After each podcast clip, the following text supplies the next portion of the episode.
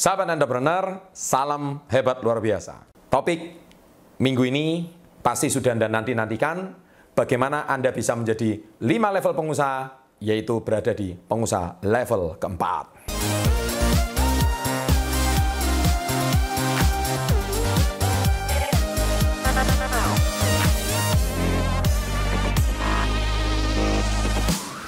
Baik, di video sebelumnya yaitu pengusaha 5 level pengusaha di pengusaha level ketiga, Anda sudah membahas bagaimana Anda sudah menemukan satu orang director untuk bisa menggantikan peran Anda di perusahaan.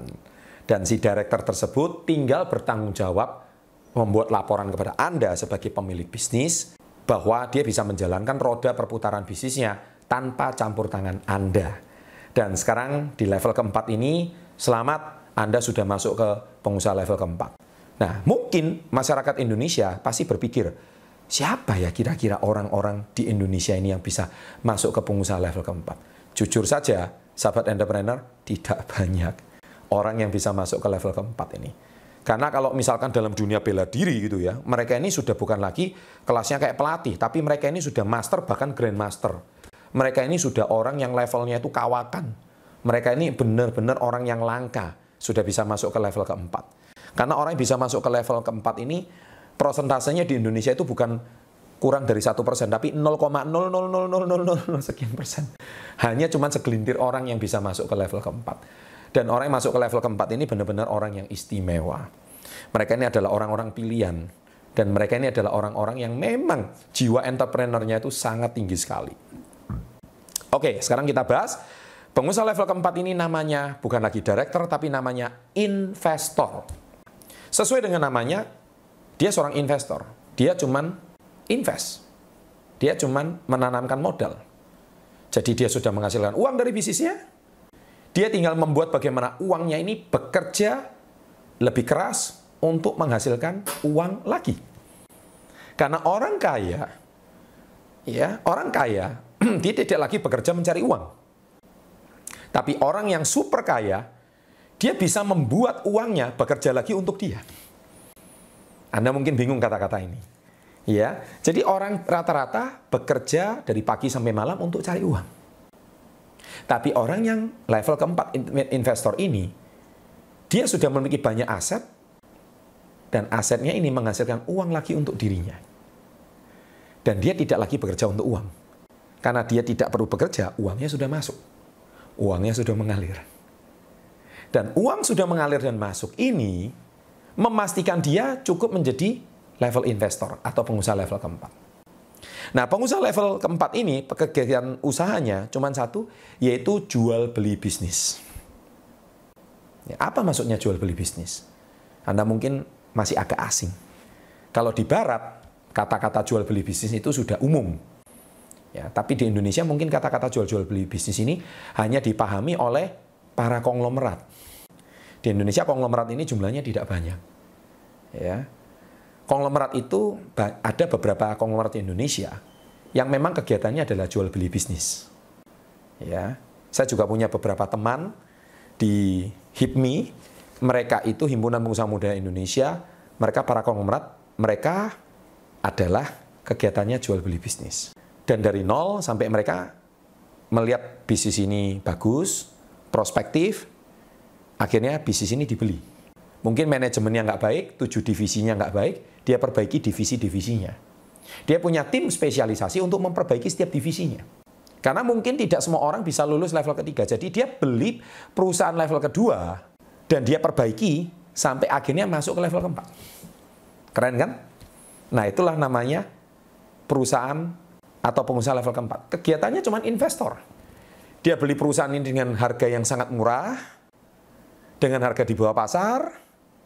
Kenapa? Perusahaannya bagus, produknya di mana-mana, peminatnya banyak, tetapi perusahaannya bleeding. Anda tahu perusahaannya bleeding itu apa? Perusahaannya berdarah.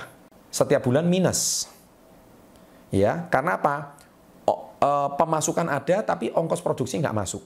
Kemudian pasarnya ada, tetapi manajemennya nggak baik peminatnya banyak, tapi karena permintaan banyak tapi tidak bisa memenuhi kapasitas produksi, akhirnya perusahaannya down. Nah, perusahaan-perusahaan seperti ini dibeli oleh pengusaha level keempat. Ya, makanya Anda tidak heran kan, sekarang Anda lihat bank di Indonesia tiba-tiba dikuasai oleh asing. BII contohnya dibeli oleh Maybank.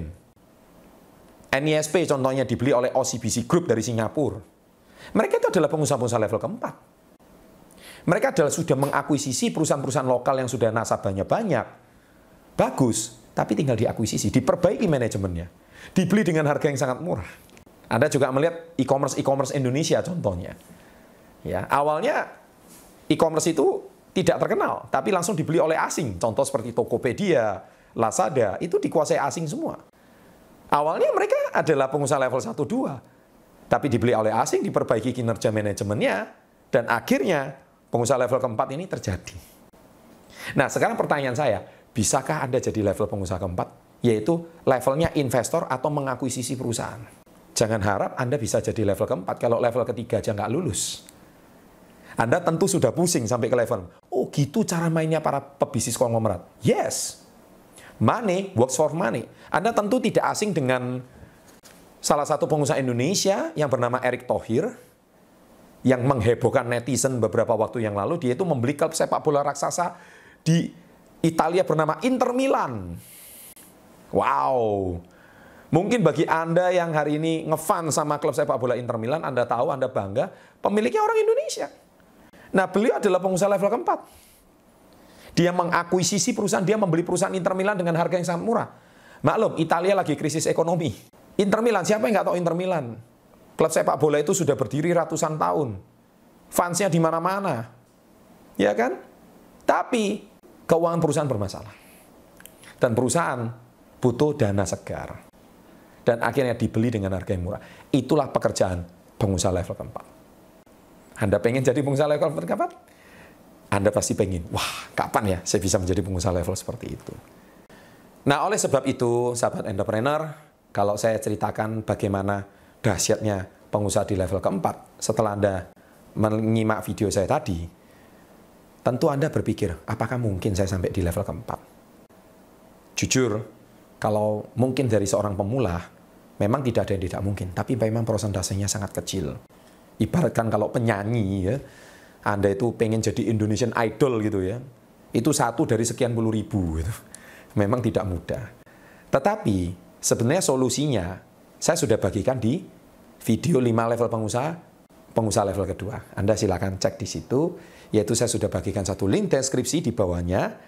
Ya, kalau Anda sudah pusing dengan ini semua sampai level keempat, Anda tinggal klik link tersebut ya yang ada juga di bawah ini. Nanti di situ saya sudah tawarkan bagaimana Anda bisa menjadi pengusaha yang lebih baik di level 1 dan level kedua. Dan di situ saya akan bongkar lebih jauh tentang bagaimana rahasianya bisa menjadi pengusaha level keempat. Sukses untuk Anda, salam hebat luar biasa. Salam hebat luar biasa. Di video kali ini saya akan membahas seri terakhir dari 5 level pengusaha, yaitu pengusaha level 5.